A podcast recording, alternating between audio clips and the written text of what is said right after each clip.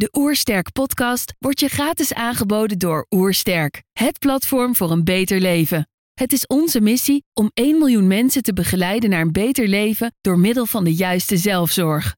Wil je weten hoe jij kunt werken aan een beter leven? Ga dan naar www.oersterk.nu slash gezondheidscheck voor onze gratis gezondheidscheck en krijg direct jouw uitslag met persoonlijk advies. Ik ben Jacqueline van Lieshout en dit is de Oersterk podcast. Bestaan en je wordt vaak geleefd. Je lijf en geest zoeken rust omdat je alles maar geeft. Goed nieuws, dit is jouw moment. Versterk je gezondheid en geluk met een lach. De rode loper ligt weer uit richting een stralende dag. Je voelt je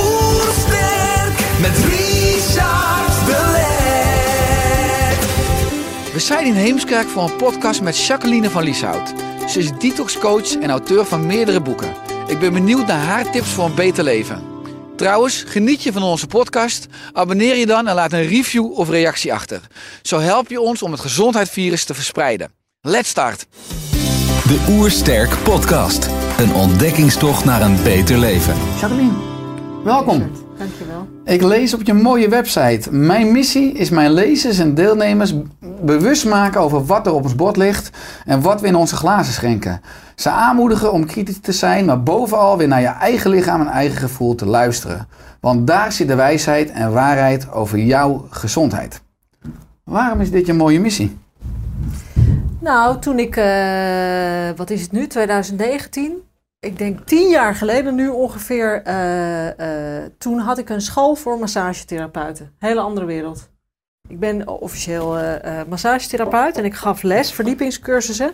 En daar werd altijd over voeding gepraat door de mensen die er kwamen. Logisch, want vrouwen praten nou helemaal graag over dieetjes. En het was natuurlijk echt de Sonja Bakker tijd. Dus iedereen was met die vieze eierkoekenzooi.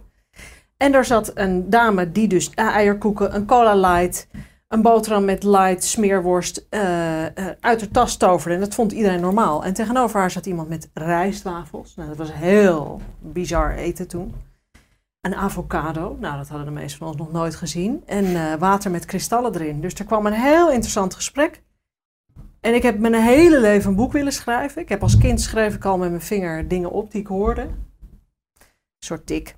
En toen dacht ik, ik ga een boek schrijven voor haar. Die een stapje daar naartoe wil doen. Maar niet weet hoe ze er moet komen. En ook die hele grote stap niet kan maken. Maar ik denk, ja, dan moet ik weer een nieuwe studie doen. Wat een gedoe. Toen dacht ik, oké, ik ga gewoon een jaar lang alles lezen, alles zien, met iedereen praten, eh, wat ik kon vinden. En dat was de tijd dat ook Food Inc. uitkwam. Nou, dat was iets later. Maar in ieder geval, er, daar kwam een soort beweging internationaal. Over gluten, over van alles. En ik denk, ik ga gewoon een beginnerboek schrijven vanuit mijn beperkte kennis die ik maar heb. Van oké, wat als we nou eens met onze ogen open door de supermarkt lopen en weten wat staat erop. En dat betekent niet dat je ieder één nummer uit je hoofd hoeft te leren. Maar dat je wel wat meer kijkt, oké, nou hier staat zoveel op wat ik niet begrijp. Ik ga proberen deze pasta saus zelf te maken. Dus hele handige dingen voor wat ik altijd zeg, Renate en Ineke uit Almere. Die echt een stap willen maken van die kast vol met voorverpakte zooi. Dat betekent niet dat ik hele intrinsieke verhalen ga houden. Die kennis heb ik ook niet, wilde ik ook nooit pretenderen. Van hoe het echt, weet je wel, maar gewoon een eerste stap naar zelf maken, zelfkeuze, zelf dingen maken. Dus als je het hebt over die missie, want dat was natuurlijk je vraag. Een stap, een eerste stap maken naar bewustzijn. En het hele alcoholverhaal, wat, wat we in onze glazen schenken, is later gekomen. Eigenlijk echt heel erg vanuit persoonlijke ervaring. Maar zo is het begonnen. Mhm. Kom ik zo op terug, ook met betrekking tot het ontwijnen. Als je dan kijkt naar eh, Renate uit Almere, want ik weet die is aan het luisteren, aan het kijken. maar ze denkt nog steeds, waar moet ik starten? Wat is dan voor haar een eerste stap? Hè? Maar ze loopt morgen weer in die, eh, in die supermarkt. Ja. Nou, de eerste stap is, en die heb ik echt gepikt van eh, eh, Michael. Help me even. Pollen? Michael Pollen, dankjewel. Blijf aan de buitenrand van de supermarkt. Mhm. Dat vind ik altijd een hele goeie, want alles wat daar staat, alles tussen Mhm, haakjes, want er staat ook een hoop zuivel tussen, maar alles wat daar staat, bederft. Dus begin daar allereerst mee. Verschuif je aandacht van die binnenkant die houdbaar is tot 2023 naar die buitenkant. Eh, en ga dingen zelf maken. Weet je, ik zeg altijd als ik tegen Renate en Ineke zeg van je mag nooit meer een hamburger of nooit meer een pizza. Maar ga dan eens die pizza zelf maken. Mhm. Dan ben je niet meteen al helemaal 100% fantastisch bezig, maar dan maak je wel een betere stap. Mhm. Snap je? Dat is een begin. Ja. Want als je te veel geeft met zulke ingrediëntenlijsten en je mag nooit meer dit je mag dit, is het voor mensen zo ondoenlijk dat er niet eens een eerste stap wordt gemaakt. Snap je? Dan is het te oncomfortabel, die verandering. Ja, het is ook een prikkelende quote om te zeggen hoe eh, langer de houdbaarheidsdatum van het product, hoe korter de houdbaarheidsdatum van jou. Nou, dan zijn we Hm. klaar. Dat is Ja, het. Samengevat. Eh, en wat ik mooi vind, ook als je kijkt naar, je hebt drie fantastische boeken geschreven. Eh, ik zie daar ook een, Zeven. zeven boeken. Zeven boeken. Maar er zijn een aantal niet meer in de handel. Want die liepen niet, dus Nou, die laat ik zo weg. zeggen, als ik Maar kijk, drie succesvol. Als ik kijk op je website, dan zie ik drie boeken Ja, ja, ja. prominent staan. Eh, ik, heb, ik heb goed research gedaan, maar ze- zeven boeken mensen. Eh, je hebt drie succesvol, de, misschien de drie succesvolste boeken. Hè? Ja, in 28 eh, dagen van Gibbelt naar Tempel. Gaat meer in natuurlijk op voeding. Dan heb je het Relax Dieet, wat meer gaat over ontspanning. In mijn optiek is ontspanning de belangrijkste leefstijlpijler. Eh, en daarna Ontwijnen, je nieuwste boek, wat ook heel erg gaat om het, eigenlijk het verdoven veelal van het emotionele. ja. En ik vind het eigenlijk een fantastische eh, weg, eh, wat steeds meer gaat over de essentie. Eh, is dat een conclusie die juist is? Dat, dat die onderwerpen in die boeken ook wat zeggen over jouw weg? Nou, dit is volledig juist. Ik denk dat die boeken precies, je, je stelt het prachtig, laten zien mijn persoonlijke zoektocht, mijn Mhm. persoonlijke evolutie. Ik heb de neiging dat wat ik vroeger al deed met het opschrijven, nu daadwerkelijk in de wereld te doen. Mhm. Dat wat mij persoonlijk bezighoudt, heel erg de neiging om op die zeepkist te staan en dat te delen. Mhm. Steeds een stapje, precies, jij zegt het precies, dichter bij de eigen kern te komen. Is dat ook op een gegeven moment omdat je erachter komt als je mensen begeleidt met voeding, dat dan heel veel klachten of signalen nog, nog aanwezig blijven? Dus dat het belangrijk is om te werken aan, aan ontspanning en zingeving? Nou, als ik, het, als ik zeg van waarom ik, weet je, ik schrijf natuurlijk dan vanuit mezelf. Ik merkte het zelf van, ook al was ik dan heel goed bezig naar mijn eigen maat, maatstaf van glutenvrij, zuivelvrij, eh, eh, maar ik nog steeds slecht sliep, alleen maar hard werkte, Mm. geen tijd inbouwde voor ontspanning, eh, alleen maar prikkels zoeken, eh, geregeld wijn drinken, veel wijn drinken. Dan kwam, ik was dan toe aan de volgende laag. Van waarom krijg ik niet de resultaten? En dat hoeft echt niet als soort Miss Universe. Maar waarom krijg ik niet de resultaten die ik voor ogen had? Mhm. Is er dus nog meer aan de hand? Het is exact de metafoor die je net pakt. Je pelt steeds een stukje af naar die kern. Ik denk, oh, ik moet veel meer tot rust komen. En toen dat alcohol kwam, dacht ik, ja, dat is uiteindelijk mijn, mijn harde pit die erin Mhm. zat. Ja, maar we hebben hier eh, twee ja, wijnglazen met bruisend water. Eh, we gingen laatst samen naar een eh, receptie. En dan waren we misschien ook de enige twee die, die alcoholvrij gezellig in de hoek stonden. Nee, wel in het geheel, maar om aan te geven dat we afwijkers zijn. Voor jou is het een specifieke datum natuurlijk 22 juli 2016. Ja, dat Want? Nou, dat is wel heel interessant. Eh, ik ben met Bob al 11 jaar en Bob eh, eh, kreeg een hartinfarct op 1 juli 2016. Eh, is toen gedotterd, er is een stent geplaatst. We waren toen 41 jaar. Zijn natuurlijk onvoorstelbaar geschrokken. Heel uitgebreid gesprek gehad met de cardioloog. Die begon over voeding. Maar vooral over het feit dat hij al, nou, ik geloof 27 jaar rookte. Godzijdank is het toen, was het toen ook voorbij, dat Mhm. roken. Daar was ik ook heel blij mee. Maar er is over alcohol nooit iets gezegd. Maar drie weken later zijn wij met z'n tweeën drie dagen naar Terschelling gegaan. Dochter uit logeren en even samen bijkomen. Maar bijkomen betekende voor ons 's ochtends de elektrische fiets nog huren. Nadat hij zo'n batterij, statines, eh, bloeddrukverlagers, eh, de hele enge beta-blokkers, van alles Mhm, in mhm. moest nemen. En vanaf een uur of half één 's middags dachten we, nou, het is wel weer voor een eh, lekker glaasje Sauvignon. Niet nadenken over de medicatie, over wat dan ook. En dat deden we gewoon drie dagen lang tot 11, 12 uur 's avonds. En op dag vier kon zijn lijf dat natuurlijk helemaal niet meer aan. Tenminste, dat was mijn conclusie. En hij zei, Jacques, ik moet naar de huisarts. Daar zijn we heen gegaan, die keek ons aan. En die zei, waar zijn jullie mee bezig? En iets wat echt, je hoort mensen wel zeggen, donderslag bij heldere hemel. Zo kwam het echt binnen. Het kwam zo als een bliksemschicht van, "Oh, nu is het klaar. Ik wa- was volledig op dat moment met mezelf bezig. Ik denk, nu is het klaar hiermee, met dit achterlijke gedrag. Wie hou ik voor de gek? Wie hou ik voor de gek?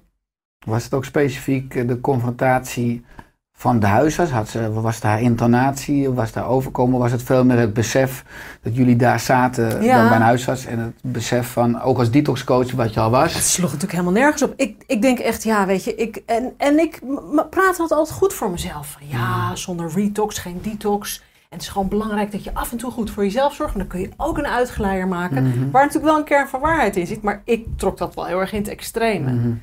En ik maakte mezelf wijs, zoals zoveel mensen die eh, dat soort middelen misbruiken, dat, dat het goed voor me was. En dat het voor de ontspanning was. En dat het stond voor groots en meeslepend leven.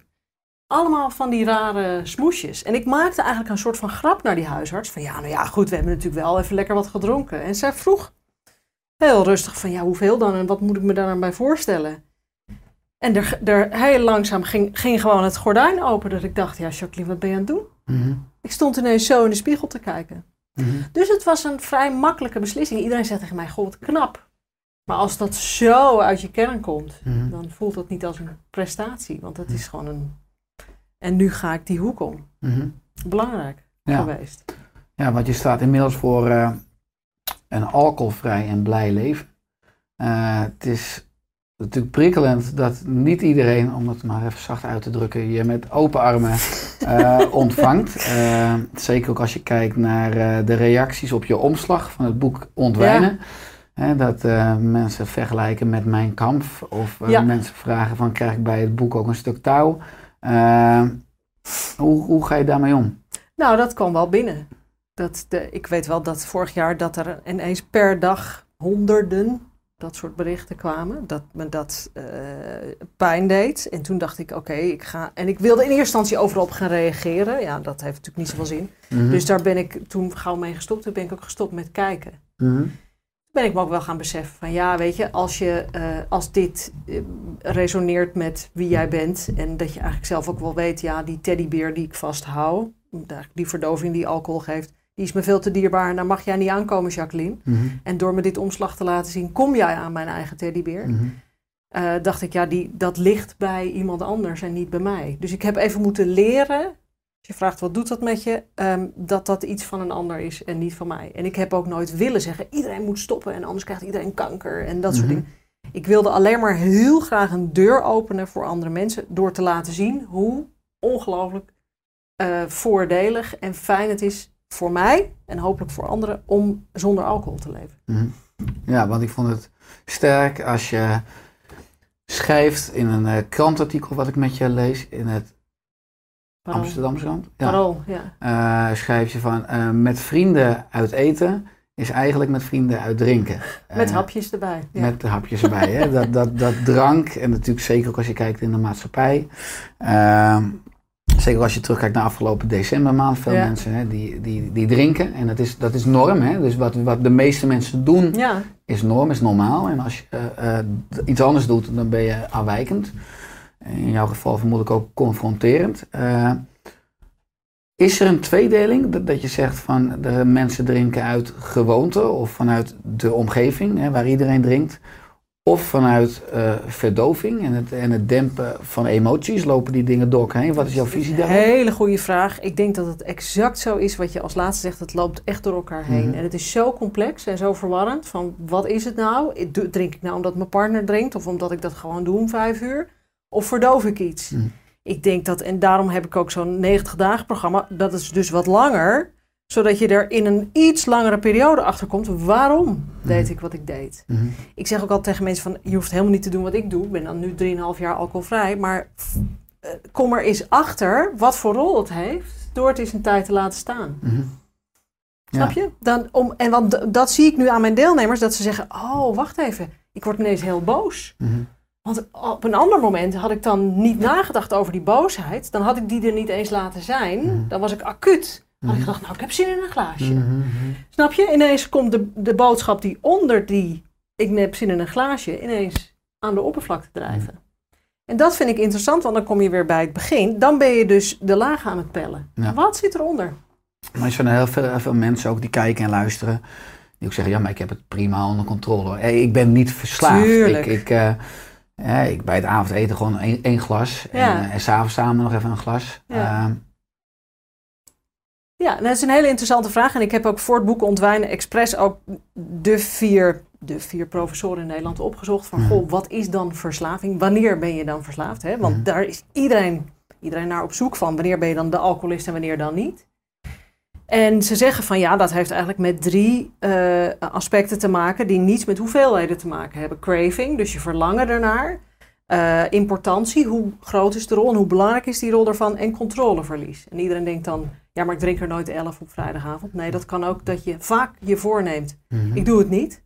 En dat het toch gebeurt, ook al Mhm. is het er dan maar één. Mhm. Dus het is voor iedereen interessant om jezelf een beetje af te meten, als je dat al zelf kunt, aan die drie criteria. Snap je? Dus wanneer is het verslaving, wanneer niet? Ik denk, dat is alleen maar mijn ervaring na al die deelnemers en die gesprekken met die professoren, dat iedereen wel voor zichzelf wilt, weet, het speelt een te grote rol. Ook al is het maar één of weet je, één glas of twee glazen, maar het, het, het stoort me, het zit me in de weg. Ik voel me beter als ik het niet doe, maar ik vind het heel moeilijk om het niet meer te doen. Mhm. Kijk, als je tegen mensen zegt, dat is voor jou natuurlijk ook een open deur, eh, eet geen broccoli meer, mag nooit meer broccoli. Daar worden mensen niet zo zenuwachtig van. Maar er zit een soort emotioneel component aan alcohol. Dat als je zegt niet of een alcoholvrije kerst, weet je, dan worden mensen, "Maar hoe dan? Mhm. Het is zo vastgekleefd. Het is Ja. de lijm die ons aan elkaar houdt. Ja. Ja, want ik hoor jou niet zeggen eh, van ik ga nooit meer alcohol drinken. Eh, maar wat ik je wel hoor zeggen is, en ik heb het opgeschreven, want ik vond het zo prikkelend. Ja, ik voorlopig niet drinken voor onbepaalde tijd. Dus eh, dat, is, wat, dat gaf je ook aan, dat is ook heel prettig voor het oerbrein. Het oerbrein houdt natuurlijk niet van Nee. altijd of nooit. Ja. Dus misschien dat je zegt over een jaar drink ik weer eens een wijntje. Want nu Nou, drink je al kan me er 3,5 nu- jaar helemaal niets. Nee, maar ik kan me daar nu niks bij voorstellen. In, eh, in het begin deed ik dat omdat ik wist, een beetje lukt niet. Mhm. En ik wilde dat ook door die ja, echt wel shock-ervaring. Die heb ik ook echt zo op mijn netvlies staan. Eh, dacht ik ook echt absoluut niet. Ik ging wel met mezelf onderhandelen in mijn hoofd. Na een half jaar. Kan ik niet? Zal ik niet?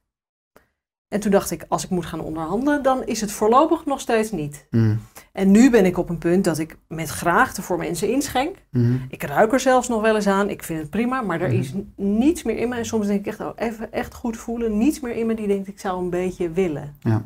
Eigenlijk een beetje zo, ik vergelijk het een beetje met zoals een kind ook niet denkt om vijf uur. Nou, ik zou wel een wijntje lusten. Het is alsof ik een soort van terug ben gegaan daarnaar. Maar hoe ik daar over tien jaar over denk, ja, ik kan het me niet voorstellen nu. Maar ik ga nergens een contract ondertekenen of zo. Precies. Ik moet zeggen, ik herken het ook dat Renaat zwanger werd van James. Die is eh, nou, net één jaar. Ja, En dan ga je natuurlijk, als je zwanger bent, drink je geen alcohol. Ik deed uiteraard mee. Daarvoor dronken we best wel wat vaker een glas rode wijn. En dan denk ik, eh, nou, misschien toch wel ieder, iedere dag één glas. Misschien soms ook wel eens twee glazen. Ehm, daarna borstvoeding. Nou, wij drinken eigenlijk nooit meer alcohol. Ik merk ook dat ik misschien één keer in de maand een, ro- een rood wijntje drink. Eh, af en toe een 0% biertje. Maar ook als ik een bier of, of wijn drink, ik kan er niet meer goed tegen. Het stijgt gelijk naar mijn hoofd. Ehm, en het is ook wel een soort vrijheid dat je ook prima zonder kunt. Ehm, en zeker ook als je kijkt naar wat is nou de gezonde, de gezonde dosis. Dan zeg jij ook heel, heel duidelijk eh, nul. Nou, er is mij verteld door de professoren, en dat heb ik voor waarheid aangenomen, eh, nadat zij daar decennia onderzoek naar hebben gedaan, dat er geen veilige ondergrens is. Mhm. Sterker nog, de Gezondheidsraad heeft dat nu ook zo uitgesproken, Mhm. van er is geen veilige ondergrens. En er zijn geen voordelen die tegen de nadelen opwegen. Mhm. Dat is het probleem. Ja. En, en wat is nu eh, jouw doel en jouw missie met, want het is een heel specifiek onderwerp, hè, ontwijnen. Eh acht op de tien volwassen Nederlanders drinkt Ja. alcohol. En Ja. voor mij ook regelmatig alcohol. Dus Ja. eigenlijk bijna iedereen. Ja. Eh, als automatisme, als gewoonte, als rustgever, als verdover, als nou, Beloning, beloning. troost. Ja. Mhm. Dat is het allemaal. En we groeien ermee op. We hebben het Mhm. onze ouders zien doen. We hebben het onze omgeving zien doen. We zien het in films, in media, in overal zien we het. Mhm. En de alcoholconsumptie eh, is ook toegenomen. De momenten zijn toegenomen. Ehm, ik heb veel artsen gesproken. Ik weet niet of jij het van je opleiding weet. Die zeggen tijdens mijn opleiding is geleerd. Als ik een patiënt vraag hoeveel drink je. Dan moet je dat eigenlijk verdubbelen in je hoofd. Want alcohol is een beetje een taboe hè. Mensen vinden het, heb ik in de afgelopen drie jaar gemerkt, een heel oncomfortabel onderwerp. Over eten praten we nu heel ontspannen. Over roken wordt gesproken. Maar alcohol is een, daar moet je niet zo aankomen. Daar moet je het niet over hebben. Mhm. Ja, ik had in mijn praktijk altijd de strategie als iemand zei van nou ik drink toch aardig wat biertjes, eh, dat ik bij spreken dan gelijk naar 20 bier per dag ging. Ja. Dus het is veel te hoog, zodat je ook bij, veel eerder bij het echte getal uitkomt. Ja, Altijd maar de vraag of mensen er, er eerlijk over zijn. ja. Eh, zeker. Ehm, maar is het niet, eh, ik heb er ook over na zitten denken, omdat we natuurlijk eh, hierover praten, eh, ook een signaal van vervreemding. Hè? Mensen zijn vervreemd veelal van zichzelf en van de maatschappij, doordat we steeds meer als individu functioneren. Eh, mensen hebben chronische stress, wat uiteindelijk in de hersenen ook de endorfines uit balans brengen. ja. Eh, dus eigenlijk mensen ervaren continu onrust. En, en een van de beste, nou niet uiteindelijk ook niet op lange termijn, maar een van de eh, strategieën die mensen hebben, is het grijpen naar alcohol om, Ja. om tijdelijk wat rust te ervaren. ja. Ik weet niet hoe jij daarin staat. Nou ja, dat is, dat is dus ook een van de factoren waarom het zo moeilijk is om ermee te stoppen. Mhm. En dat is ook wat ik constant mijn deelnemers en lezers hoor zeggen van ja, maar ik zocht de sta ik op en heb ik besloten vandaag echt niet. Mhm. Echt absoluut niet. Maar wilskracht is een spier, dat Mhm. weet jij ook. Dat is die hele dag aan de gang, tegen die file, tegen die... En heel veel vrouwen vooral Mhm. houden, en nu eh, chargeer ik het even, de hele dag hun mond dicht. Tegen hun collega's, tegen hun partner, tegen dit. Want je mag, het mag er niet zijn, je emotie mag er niet zijn, je woede mag er niet zijn. Dan ben je hysterisch van alles. En om vijf uur is dat helemaal op.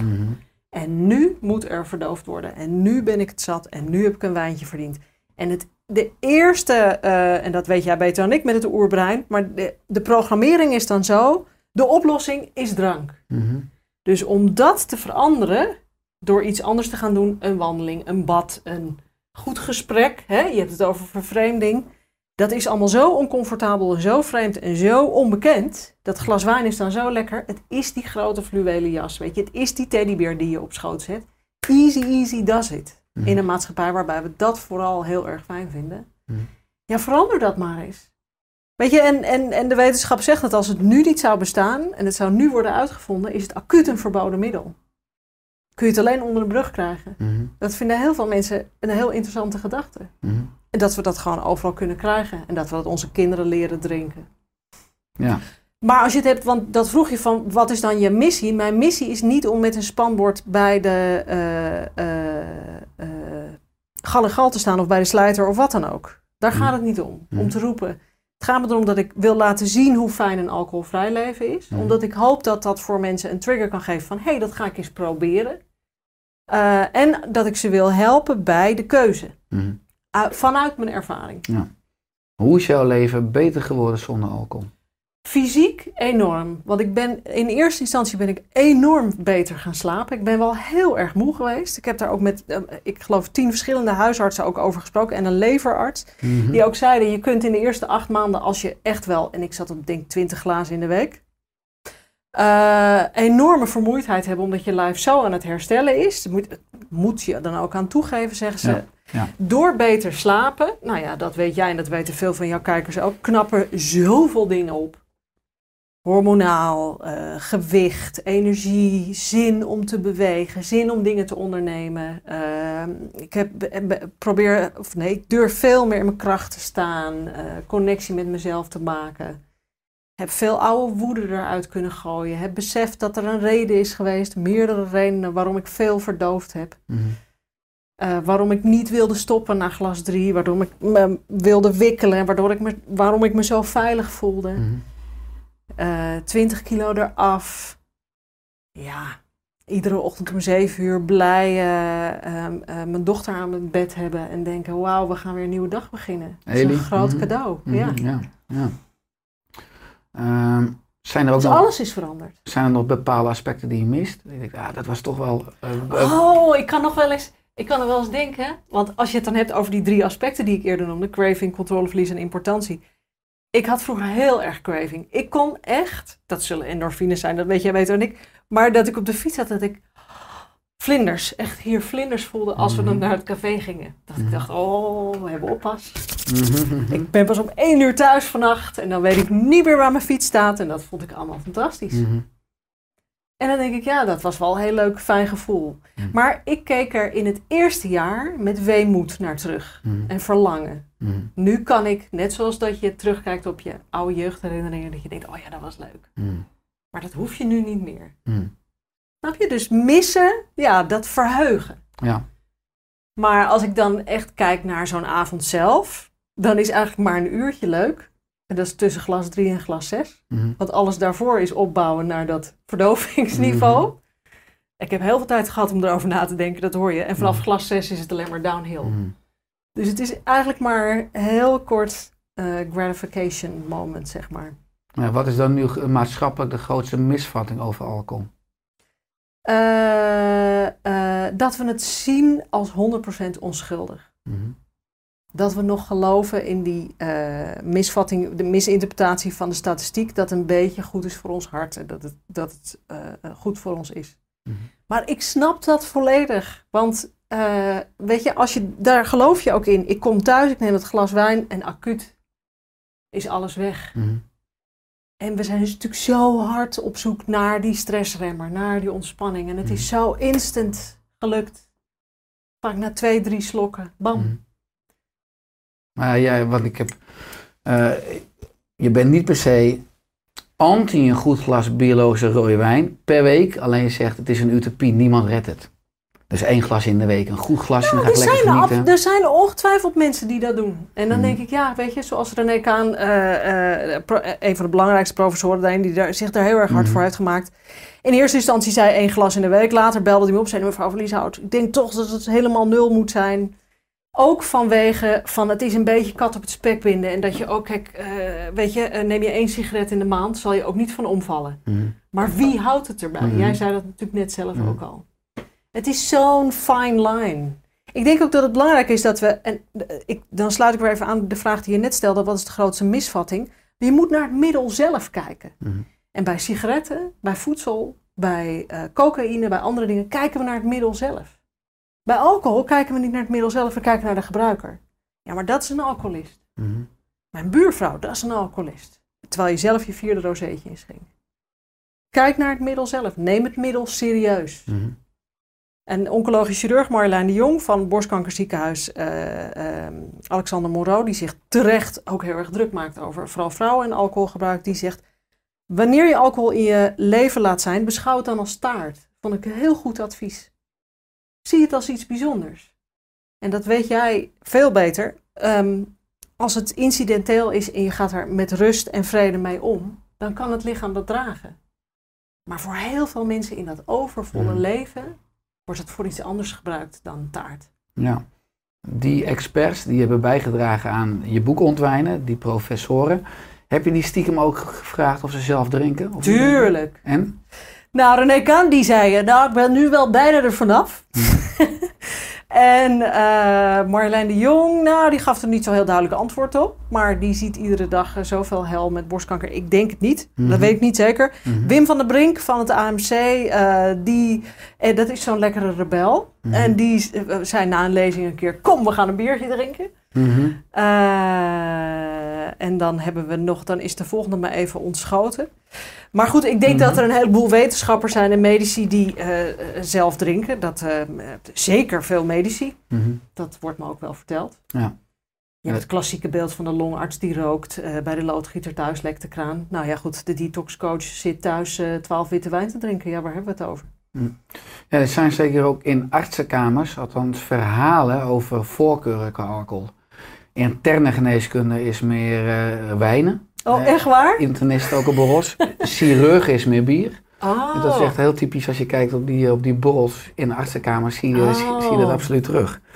Eh, ook trouwens als je kijkt naar type auto's, maar dan dwalen we misschien iets te ver af voor deze podcast. Eh, als je de vertaalslag maakt naar jouw eigen leven, hoe ziet een dag eruit? Hoe ziet een dag eruit? Oh, ik was altijd al een ochtendmens. Mhm.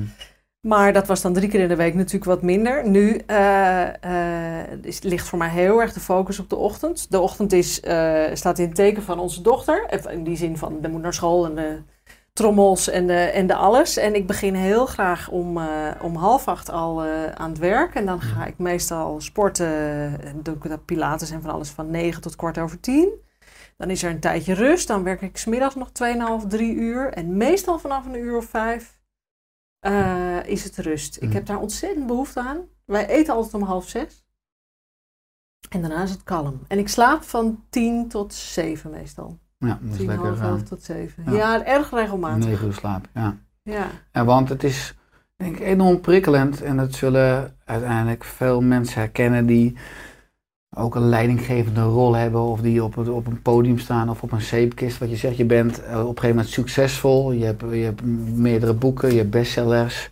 Eh, je wordt gevraagd om praatjes te houden. Je verkondigt een boodschap van balans en je maakt de hele wereld beter. En het is soms enorm uitdagend, wat ik ook herken, eh, om balans te houden in je eigen leven. Zeker als je kijkt naar, naar ontspanning Ja. en naar slaap en naar ook het vermijden van gifstoffen zoals alcohol. Kwam je op bepaalde mo- eh, momenten op jouw pad daarmee in conflict? Of, of is het een struggle geweest om voldoende ontspanning in te kaderen? Oh, ontspanning is nog steeds een grote valkuil. Voor Mhm. mij in die zin, ik denk dat je dit wel herkent. eh, mijn werk is zo'n hobby. En ik kan Mhm. opstaan met twintig nieuwe ideeën. En ik, oh, en ik ga die bellen. En we gaan dat maken. En we gaan zussen. Dat ga ik doen. En ik moet eerder mezelf remmen. Ontzettend mezelf remmen. Mhm. En denken, oké, nu even niks. Nu even uit het raam staan. Nu even het bos in. Ook al regent het. Even niks. Even die telefoon wegleggen. Want eh, ik loop over. Ik zit als een, als een kind in de, in de Lego winkel. Mhm. Ik vind het zo fijn. En dit alcoholverhaal ook. Ik krijg natuurlijk zoveel mails en mensen. En ik wil het liefst de hele dag iedereen helpen. Mhm. Een neiging om mezelf voorbij te lopen, ja. Ja, want dat is natuurlijk de uitdaging als je zelfstandig ondernemer Ja. bent. Er zijn geen kaders. Het is niet dat dat je om vijf uur waarschijnlijk zegt... jongens, vrijdagmiddag, weekend. Eh, we nemen nog een spa rood en eh, ik ben er maandag weer. Nou ja, zeker. Omdat ik natuurlijk vroeg, voorheen had ik natuurlijk altijd die verdoving. Mhm. Dat was dan de ontspanning. Dat Mhm. heb ik opnieuw moeten leren. Mhm. En die ervaring gebruik ik ook bij de mensen die ik begeleid. Van dat je heel bewust dan ineens denkt van, ja, maar hoe dan? Hoe dan? En dan komt alles wat je verdoofd hebt ineens zo op tafel. De stress van die dag zelf, maar de stress die je misschien ook al 30 jaar hebt opgespaard. Mhm. Of iets wat je vader ooit tegen je heeft gezegd, of iets anders. Of je je te klein houdt, of wat het ook mag zijn. Zou eh, het onderwerp alcohol, zou dat iets zijn waar we over 50 jaar naar terugkijken? Net zoals eh, roken of suiker. Er zit natuurlijk een enorme grote economische kracht achter. Och ja, ja, tuurlijk. is dat tuurlijk. vooral Den Haag of is het ook Brussel? Of is Ja. het groter? Of... Ja, het is veel groter. Hmm. Ja, veel groter. En dat is ook waar René Kaan zich altijd druk over maakte. Want die heeft dan tien jaar in de gezondheidsraad gezeten. En die wist ook van alle lobbydingen en zo. En ja, hij zegt ook van, nou ja, kijk, de voorbeelden zijn natuurlijk legio. Hè? Kijk, Marlboro staat niet meer op de borden eh, bij de Formule 1. Maar ja, Red Bull nog wel. Maar de alcohol is everywhere. Het Holland Heineken House. Mhm. Weet je, maar dan, het is niet heel erg mijn gevoel om daar tegenop te staan. Snap je? Ik wil niet tegen. Ik wil liever het andere geluid laten horen, omdat ik denk het alcoholvrije leven eh, een mooi beeld geven en mensen daar gelukkig door laten zijn, is denk ik sterker dan ergens tegen gaan vechten. Mhm. Nou ja, en kijk in de supermarkt rond met dat hele 0.0 eh, gebeuren. Mhm. Ik ben zelf geen alcoholvrije wijnfan, want ik vind dat gewoon al opgeleukte kas is in een glas. Mhm. Ik denk sowieso dat mensen uit moeten kijken met radlertjes en eh, dat soort suikerachtige toestanden. Maar is natuurlijk een enorme hype, eh, Heineken 0.0 en alle is andere altijd merken ook. uitverkocht. Maar wat is jouw visie dan op de 0.0 va- variant? Ik heb he- ben heel dubbel in vervanging.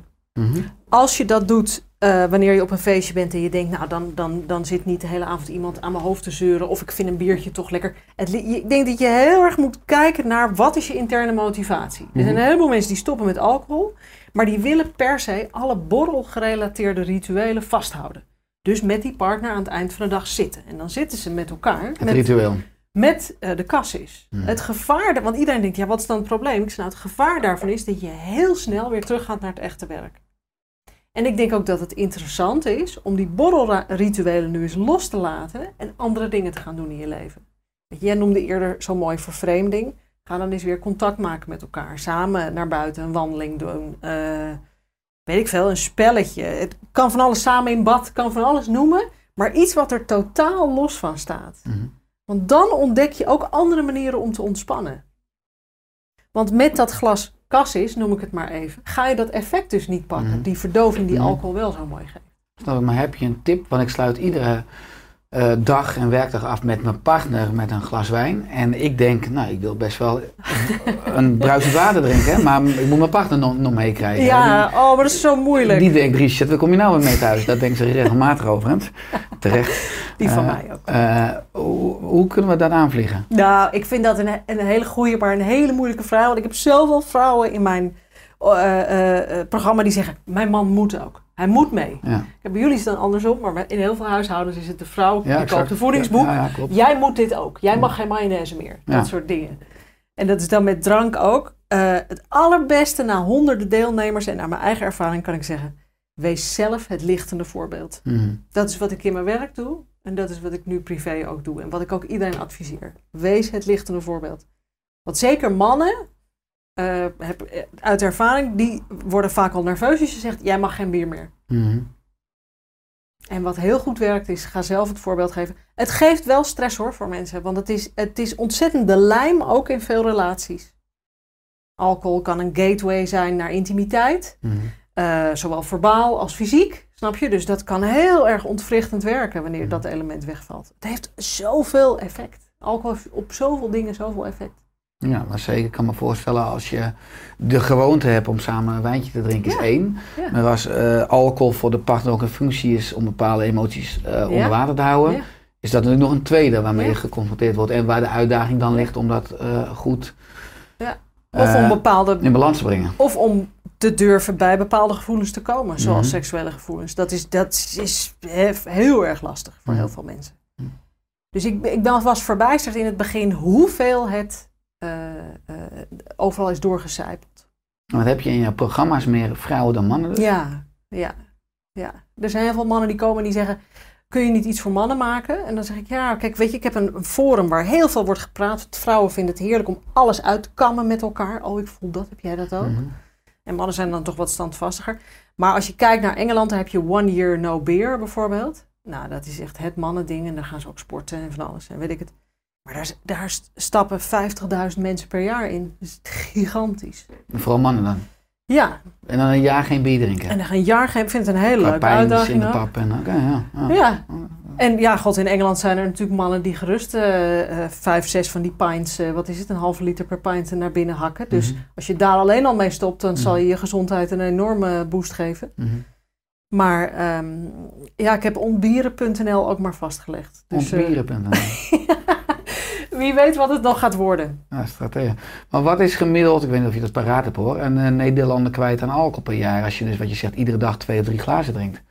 Het, zijn natuurlijk, en het is een enorme glasbak vol natuurlijk als je dat in een, eh, in een jaar allemaal op tafel zet. Ja, ik denk dat dat zeker 1000 euro per jaar is. Ja. En er zijn mensen die zeggen, nou wij zitten op 8.000, 9.000 euro per jaar.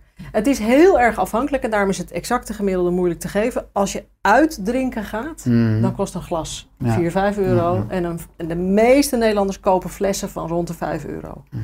Dus een fles dan of een glas. Maar ik denk dat, weet je, eh, heel veel mensen rond de 100 euro in de week kwijt zijn. Zeker eh, de succesvolle 30ers, 40ers die dan eens in de week dan ook nog ergens uitdrinken gaan. Of uiteten met veel drank. Mhm. Nou ja, 100 euro per week is eh, v- 5000 euro per jaar, als ik het Mhm. goed heb. Ja, Dat dus is een eh, heleboel geld. Ja. Ja. Ja, ja, dat hebben mensen natuurlijk vaak ook niet in de gaten hoe, hoe, hoeveel al die kleine idee. beetjes zijn bij elkaar. geen Ja. idee. Ehm, jij bent natuurlijk iemand die mensen ook informeert en inspireert over leefstijl in het algemeen. Zeker als, ik, je- als, als mensen je koekelen, wat ik uiteraard ook eh, heb gedaan in mijn research, dan vind je natuurlijk ook verschillende nou ja, blogs. Je bent ook op veel plekken geweest eh, met, eh, met je zes gouden tips. Nou, en, eh, en eh, vul het allemaal in. Eh, dan zie ik ook terug van eh, wandelen in de natuur. Eh, tot eh, besteed meer tijd, energie en geld aan je eten. Tot eh, het belang van voldoende slaap. En die staat trouwens op één bij je. Tot minder alcohol drinken. Nou ja, afgelopen jaren in je boeken komen natuurlijk allerlei adviezen terug. Wat zijn nou, voor zover het mogelijk is, je drie belangrijkste tips voor een beter leven? Nou, ik vind slaap, en dat is mooi, dat, die staat inderdaad daar bovenaan, vind ik heel belangrijk.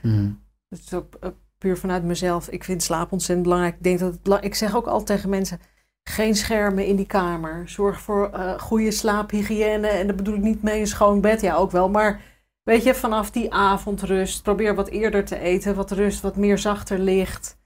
Eh, eh, niet met een scherm in je bed, niet met je scherm. eh, weet je, slaap heel erg belangrijk, omdat ik het heel erg zie als de basis van die, een van de basiselementen van de energiehuishouding van de dag.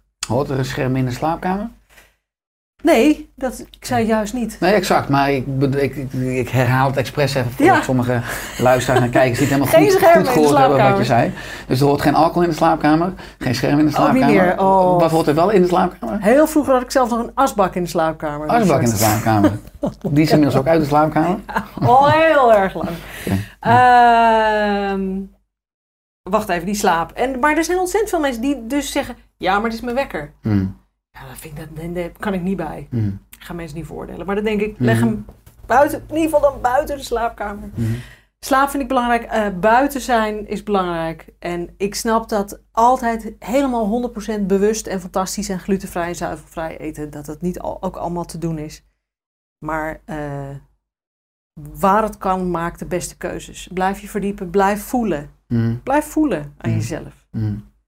Want dat is, je hebt het kernwoord genoemd ehm, een half uurtje geleden. Vervreemding. We zijn Mhm. ook vervreemd van ons lijf. Hmm.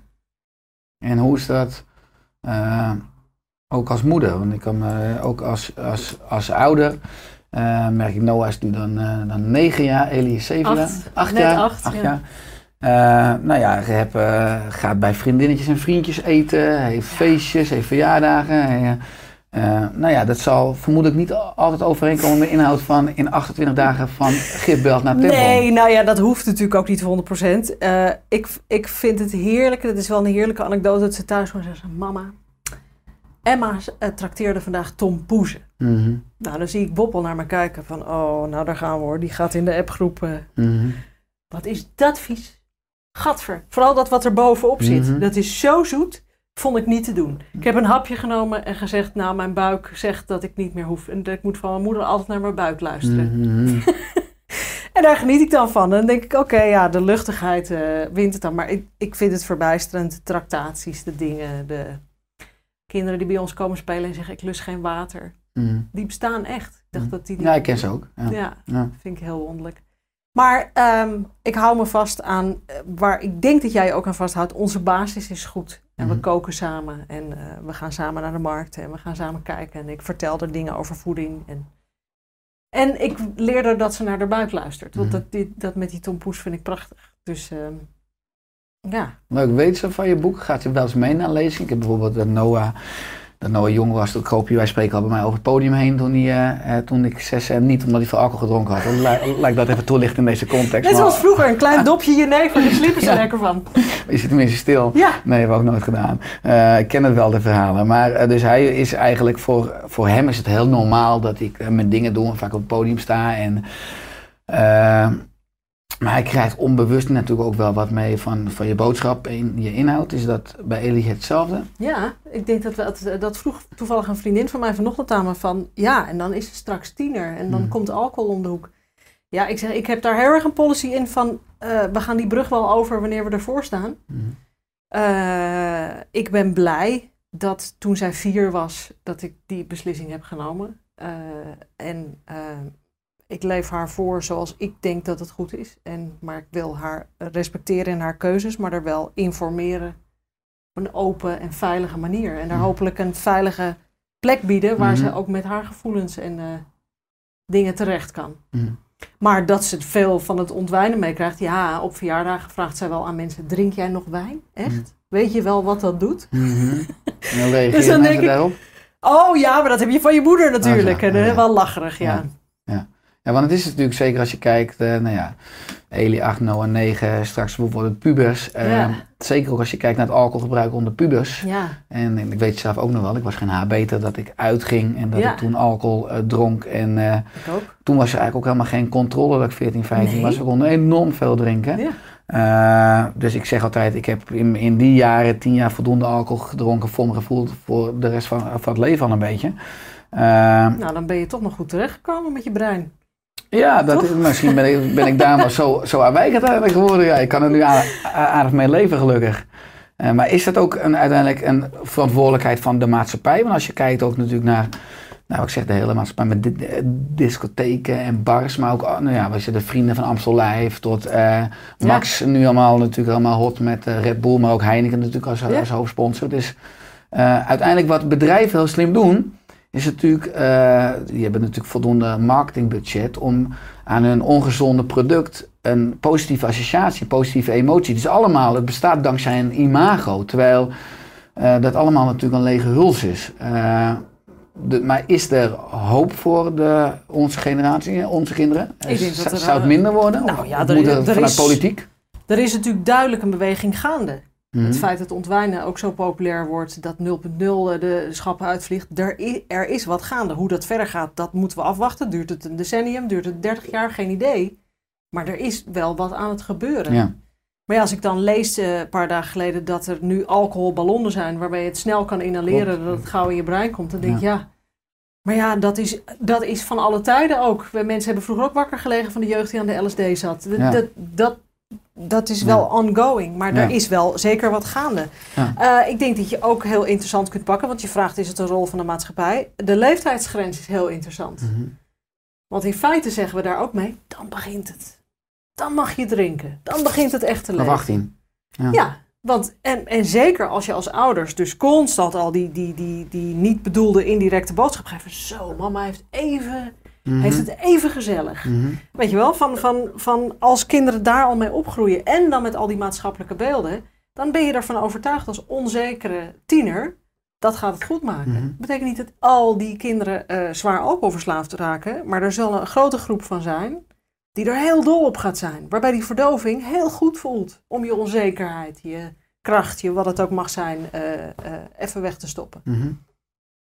Ja, daar ligt dus nog een enorm, enorm potentieel. Maar het is, ja, maar het is zo complex. Mhm. Het is zo complex, want het is overal. Het zit vast in ons brein.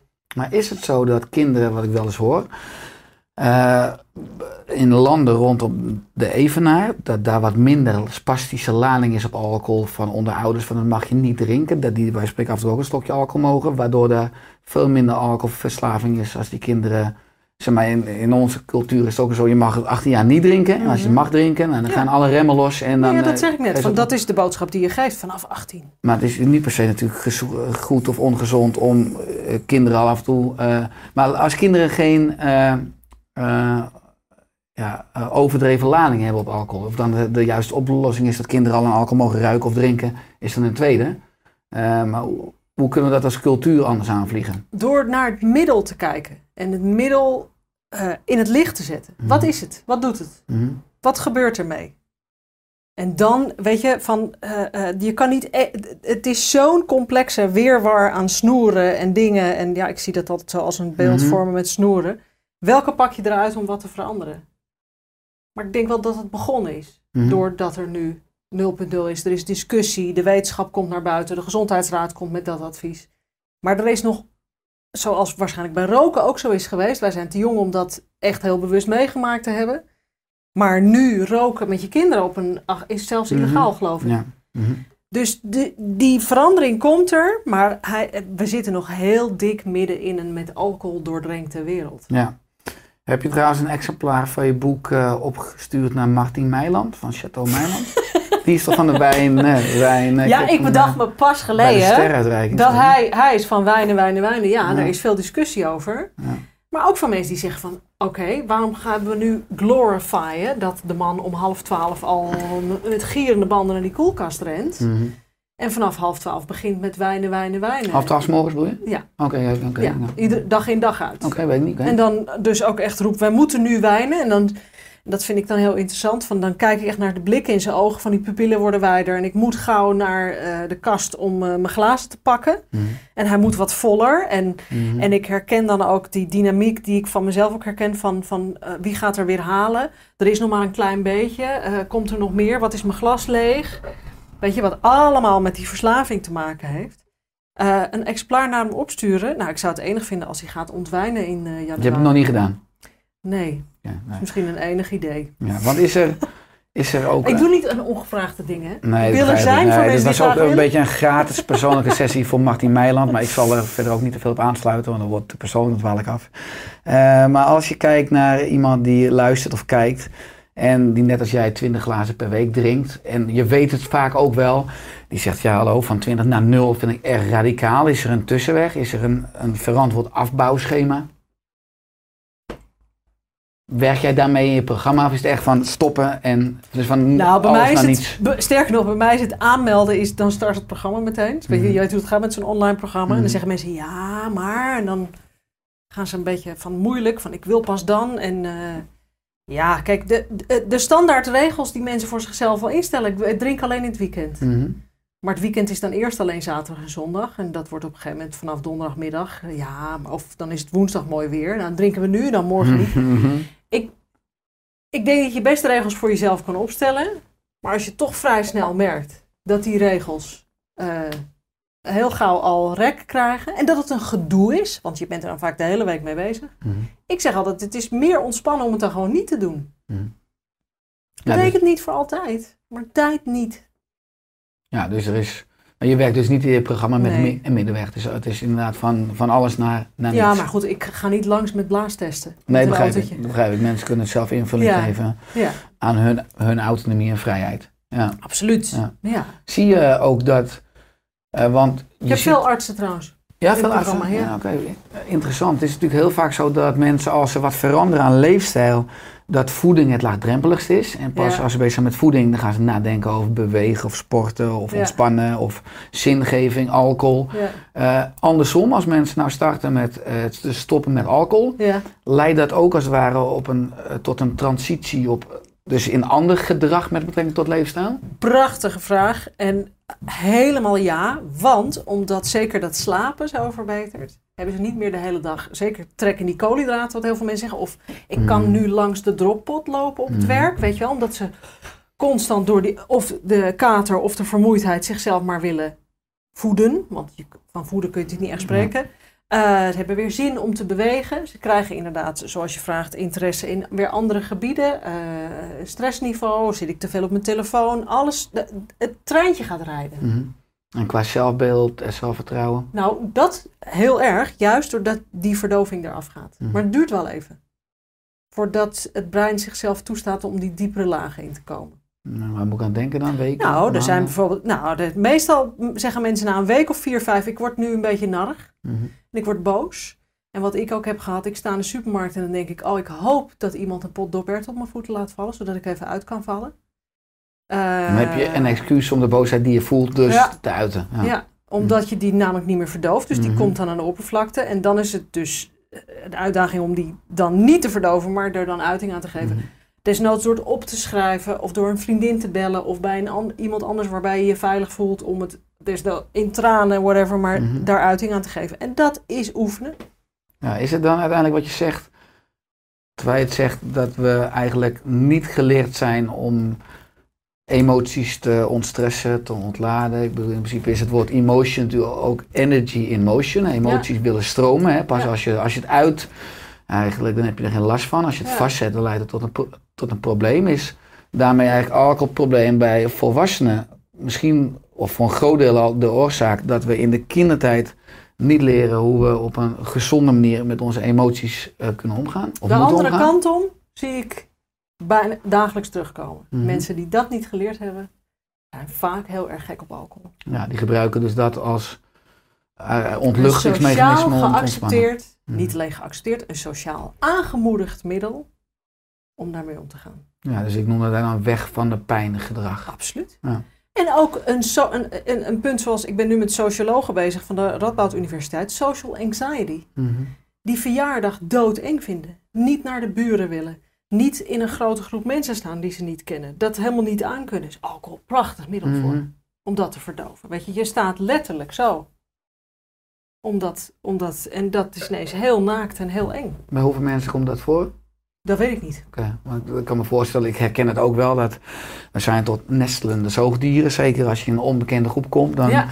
voel je toch altijd een beetje onwennig Ja. en eh, spanning. En dan is zeker eh, als de bladen rondgaan met drankjes, dat je wat eerder alcohol pakt omdat het ontspant. Zeker. En, eh, en eh, je het gevoel geeft dat je de zaken wat beter of wat meer onder controle hebt. Of wat minder mentale onrust Ja, ervaart. nee, dat vind ik een heel interessant verhaal. Dus dan ga ik daarmee beginnen. Om daar, eh, want daar is nu onderzoek naar gedaan. Daar hebben ze tien jaar aan gewerkt. Een groep sociologen aan de Radboud. Hm. Dus ik zie jongens, ik wil heel graag weten wat jullie bevindingen zijn. Omdat dat voor mij zeg maar de volgende stap is. Van Hm. hoe werkt dat dan door? Wat is jouw volgende is er een volgende treden dat je zegt van nou stiekem in mijn hoofd heb ik alweer een boek of een concept over dat? Of zeg je van nee, ik wil echt het ontwijnen nu weer een aantal paar jaar, Oh, paar jaar op de kaart zetten. Ja, dit, dit ontwijnen is wel, dat komt zo uit mijn ziel. En Maar voor dit jaar twee- gelukkig van. 2020 is het gaan we hiermee verder en ga ik een volgend boek schrijven over... eh, Ontbieren. ontbieren misschien ook wel, maar vooral over eh, wat dan nu? Die emoties zijn er, wat, wat leer ik daarvan? Hm. Wat merk ik daarvan? Dus dat is weer een stap verder. Maar dat is nog maar aan het groeien. Je kent het wel. Er zijn Ja, net een paar ja. kiempjes zo. eh Dus die emotionele en mentale componenten ja, vind van, ik heel boeiend. van. Ja, dus ik ben nu op zoek naar inderdaad eh, wat academici die daarin in zijn gedoken. Ja. En wat is uiteindelijk je doel? Ik weet niet, voor je ver, wij hebben bijvoorbeeld als Oersterk in 2022 hebben 1 miljoen mensen een beter leven. Heb je er een doel of een aantal aan, aan vast met betrekking tot? Nou, ik wil heel graag tussen de 5 en 10.000 mensen in mijn online programma. Oké, hoeveel zijn het er nu? Ik heb er nu duizend gehad. Oké, dus je bent op de goede weg. Ja. Mooi, leuk. Ehm, is er nog een andere specifieke boodschap waarvan je zegt voor onze kijkers, luisteraars is het ook bijzonder prikkelend en dat wil ik nog graag delen? Nou, als het gaat puur om alcohol, dan eh, haal ik even een citaat aan van een van mijn coaches. Die zei dat pas geleden. Ze zegt, Jacqueline, alles wat ik met alcohol dacht wegdrinken, kon ik makkelijk oppakken en meedealen toen ik stopte. Mhm. En als je daar goed over nadenkt, dan zie je dat eh, eh, een alcoholvrij leven voor heel veel mensen, hoeft niet voor iedereen, maar vrijheid kan betekenen. Omdat je die oude schuur die je maar aan het dichtduwen bent, maar die je op het laatst die deur niet eens meer dicht krijgt, zonder dat je 15 flessen wijn drinkt, bij wijze van spreken, Mhm. dat je hem zonder alcohol, wat je nooit had gedacht, met gemak openzet en zegt, oké, ik stroop mijn mouw op, ik ga jou eens opruimen. En dan kun je groeien in je leven. Mhm. Ik denk dat heel veel mensen stag, volledig stagneren in hun groei. Omdat mensen dus bang zijn of ze het wel aan kunnen wat boven komt, maar je Ja. kan het dus altijd aan. En het leidt altijd weer tot verdieping en groei. Maar daar, dat wil ik ze laten zien. Want ik ho- hoop dat ik daarmee mensen de kracht kan geven om het aan te durven. Mhm. Want mensen vinden het doodeng Mhm. om alcohol achter te laten. Ja, sinds je je nieuwste boek hebt, Ontwijnen, wat is het leukste wat je hebt meegemaakt? Qua een brief of een mail of een contact of in je programma? Oh, dat is eh, pas gebeurd. Eh, een van mijn deelnemers was eh, klaar na 90 dagen. Die is naar een juwelier gegaan. Die heeft een ring voor zichzelf laten maken. En die heeft het eh, logo, dat is een omgekeerd glas van Ontwijnen, erin laten graveren. Het zei ze, bijna ook jouw naam, Jacqueline. Toen dacht ik, nou, dat moet toch niet gekker worden. Mhm. En toen zei ze, dit heeft me meer gegeven dan wat dan ook in mijn leven. Ja. Mooi. En die loopt dus nu met een ring. Ja, Dus dat is een ambassadeur geworden van ja met zo'n mooie tekst. En ze zegt, het is zo'n mooi cadeau en ik wil het ook echt uitdragen. En, Want, ik weet niet, volgens mij of, dronk zij ook ongeveer rond 20 gra- glazen per nou, zes, dan? eh, drie, vier glazen per dag. Oké, dus gewoon ook ja, gewoonte te drinken. Ja, en dan eentje tijdens het koken, eentje tijdens het eten en nog twee daarna. Ja. Dus dat is helemaal niet heel gek als Gewoon je naar gemiddeld leven. Nederland Ik kijkt. hoor het veel terug in de praktijk. Gewoon het goede leven. Ja. Flesje per dag met z'n tweeën. Ja, nou, dat is dan iets meer nog. Eh, en, en wat is het gekste als je nou kijkt naar... eh, nou ja, eh, Oh, het gekste. eh, oh, deer. Puur van ontwijnen. Oh, dat is een goede vraag. Eh, eh, oh, wat moeilijk. nou, je noemde, ik noemde natuurlijk wel een aantal voorbeelden op de omslag van je nieuwe boek. Dat was natuurlijk best Ja. vind ik wel aardig gek als ik kijk hoe mensen daarop reageerden. Maar Ja, ja, de mensen zijn wel vaak boos. Jij neemt me alles af. hm. En dan heb ik niks gezegd. Ja, gek. Dat vind ik vooral Maar zijn pijnlijk. er mailtjes of brieven? Of, of- Of op, nou, Facebook vinden mensen heel fijn. Ja. Eh, eh, ik gaf één keer een coachcall. Dat doe ik eens in de twee weken voor Ja. mijn deelnemers. Eh, het is een live webinar. En toen was een van mijn deelnemers echt starnakellam. Hm? Die, ik zag haar niet, maar die ging heel lange zinnen typen. En, maar ja, gek. Dat is ook, weet je, ik kon er ook wel een beetje om lachen. Maar ik vond het ook wel heel pijnlijk. Want Mm. ik heb, zie wel in mijn programma hoe het mensen onvoorstelbaar in de greep houdt. Hm. En achter gesloten deuren. Hm. Echt, eh, mensen zo bang zijn. Ik durf je Facebookpagina niet te liken. Want wat als mijn collega's het zien? En dat kan niet. En eh, mensen die boeken terug... Dat is ook wel grappig. Mensen eh, boeken terugbrengen naar de boekhandel in Haarlem. Want die zeggen, ja, ik heb dit gekregen. En dan omschenk ik heb dit gekregen Ah, ja. voor kerst. Maar ik, Het gaat niet over mij. ik durf dit niet thuis. Eh, nee. Hm. Of mensen die zeggen, ik, ik neem dit mee op de zomervakantie. Maar eh, ja, ik heb er maar een omslag mee gedaan. Hm. Want straks denken mensen dat ik alcoholist ben. Ja. ja, maar het is natuurlijk enorm interessant als je kijkt in hoeveel lagen van de maatschappij, de lage sociale klasse. Ik heb wel eens een eh, lezing mogen geven aan eh 300 bouwvakkers. Nou, dat was ook natuurlijk na mijn lezing dat de bitterballen en bieren eh, rondgingen. Maar ook als je kijkt, zelf in de politiek zijn enorm van netwerkborrels. En, eh, maar ook in de geneeskunde tot, nou eigenlijk dus van, hoog tot laag. Het is eigenlijk letterlijk een maatschappelijk smeermiddel Mhm. Absoluut, het bijna. is van ons allemaal. Ja. Daarom was die vraag ook zo lastig dat je zei, wat, wat kunnen we voor, als maatschappij voor stappen ondernemen? Het is heel moeilijk, want het it's everywhere. Ja. Weet je dat de VVD zich hard maakt om vooral te zorgen dat je bij de kapper gewoon kan blijven drinken? Mm, Weet je dat blurring verhaal? mhm, Ik dronk vroeger ook zes chardonnaytjes bij de kapper. Er ging achteruit de deur uit. mhm. Enig. dat waren nog eens tijden. Ja, Europeedom, eh, ja. Eh, ja, ja, dus dat klopt. Maar, je, dus dat, maar de verandering is de enige zekerheid eigenlijk in de evolutie. Dat is eigenlijk jouw ja. missie om te starten met een bewustzijnsverandering. Zijn mensen, als ze de juiste informatie hebben, hebben ze natuurlijk ook een vrije keuze om een gedrag te veranderen, Ja. wel of niet. En mochten mensen dat willen, dan heb je daar natuurlijk naast een fantastisch boek ook een online pro- eh, pro- programma, 35 en 90 dagen van, waar mensen eventueel verdieping, begeleiding. Maar je zei, er zijn drie elementen nodig, zei je. Inspiratie, motivatie en herkenning. Moed, durf en inspiratie voor, om, voor een alcoholvrij leven. Ja, Ja. voor alcohol. Wa- waarom die drie? Nou, moed is omdat heel veel mensen eh, met een alcoholvrij leven een soort van erkenning geven aan het Mhm. feit dat het een probleem voor ze is. En dat is heel eng omdat we allemaal bang zijn voor dat stempel, hè, dat Mhm. stempel alcoholist. Eh, moed, inzicht en durf is het trouwens. Inzicht in wat is het middel, wat doet het met me en waarom is het een goed idee om er tijdelijk of langer mee op te houden. En durf is om te zeggen, oké, ik ga het doen. Mhm. Want ik krijg dagelijks mails van zeker vrouwen die zeggen: Ik kan het niet maken om te stoppen naar mijn partner. Ook vanwege de dingen waar we het eerder over hadden. Mhm. Of naar mijn vriendinnen. Dat is ook die lijm, hè? Mhm. Ik kan niet maken naar mijn vriendin om te stoppen. Dat Mhm. kan niet. Ik moet volgende week naar een huwelijk. Ik kan daar niet spa drinken. Dat is onmogelijk. En dat dat probleem veel groter is dan dat ik toen ook had bedacht, dat zie ik nu iedere dag. Gigantisch. Nou, uiteindelijk is het dus ook een eh, essentieel dat je in je eigen kracht durft te gaan staan. En Ja. uiteindelijk eh, ja, in ieder geval durft te kiezen voor wat Ja. jij belangrijk vindt. Nou ja, en ook, eh, je moet ook moed hebben om tegen te komen wat je tegen gaat komen. Mhm. Want dat weten we ook wel. Daarom willen we, de, willen we ook niet zonder. Ja, Ja. ik zeg wil alsof iedereen het heeft, maar veel meer mensen dan, dan dat we denken. Eh, je bent misschien nu ook expert geworden op het gebied van alcoholvrij leven. Wat zijn de lekkerste eh, alcoholvrije dranken? Zeg je van ik, ik, ik drink vooral thee, je bent gek op thee, je hebt Thee allerlei kruidentheeën. Ja, zo saai. Ja, ik drink ook graag spa rood bijvoorbeeld. Ik Eh, ook, met, ik nog een bubbeltje. Harriet. Ja, Eh, maar, maar je hebt dus niet dat je zegt ik drink eh berkenwater of, of, of Nee, ik vind het leuk als ik... Sorry. ja, een smoothie met... Vind ik fijn 's ochtends, maar dat hoef ik niet 's middags. Ik drink Mhm. 's middags niet zo fruitachtige dingetjes. Dat Mhm. vind ik fijner voor in de ochtend. Eh, ja, thee. Ik heb heel erg met thee, ik drink 's ochtends wat zwartere thee en 's middags is het wat meer kruiden of groen. Eh, water, heel saai. Uh, spa rood vind ik fijn. Met citroen vind ik ook lekker. Ik vind het leuk als ik ergens kom en ze hebben een mocktailmenu. En het is niet allemaal suikerwater, maar ze hebben bijvoorbeeld een Virgin Mary mhm, mhm. tomatensap met dingen zonder wodka.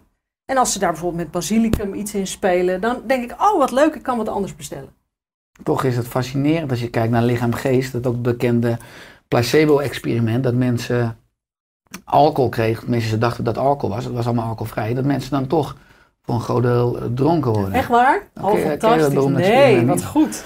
In onze Oester coachopleiding heb ik natuurlijk ook heel erg verdiept in het placebo-effect en het nocebo-effect. Dus juist geest positief gebruiken of dus negatief. Oh, fantastisch. Eh, dus, dat, dus zo zie je maar hoe, hoe vooral de belangrijke rol ook uiteindelijk in de geest zit. Ja. Op het niveau van alcoholvrij en blij leven. Oh, geweldig. En dat Ja. mensen dus ook los konden zijn met elkaar. Ja. Oh, ja, en ze dachten dat, hè, dus dat is eigenlijk de kracht van de geest, dat er, dus dat er alcohol in zat. Maar ook al was het in werkelijkheid allemaal alcoholvrij, dan toch zag je zelf op een gegeven moment mensen bijna dronken worden. En dat is eigenlijk de kracht van onze geest. Dus, dus, dus het is, voor een groot deel is uiteindelijk alcohol ook een middel. Eh, en eigenlijk heb je alle medicijnen ook in je geest. Ook, ook, ook om te ontspannen, om te verbinden. Dus eh, mooi. Leuk. Dank je wel voor je, voor je mooie werk. Veel succes dit jaar weer met, eh, met het ontwijnen. En ga vooral door met je mooie missie. Dankjewel. En eh, dank dat je gast was in, in de Oester podcast. Heel graag gedaan. Ik vind het een eer.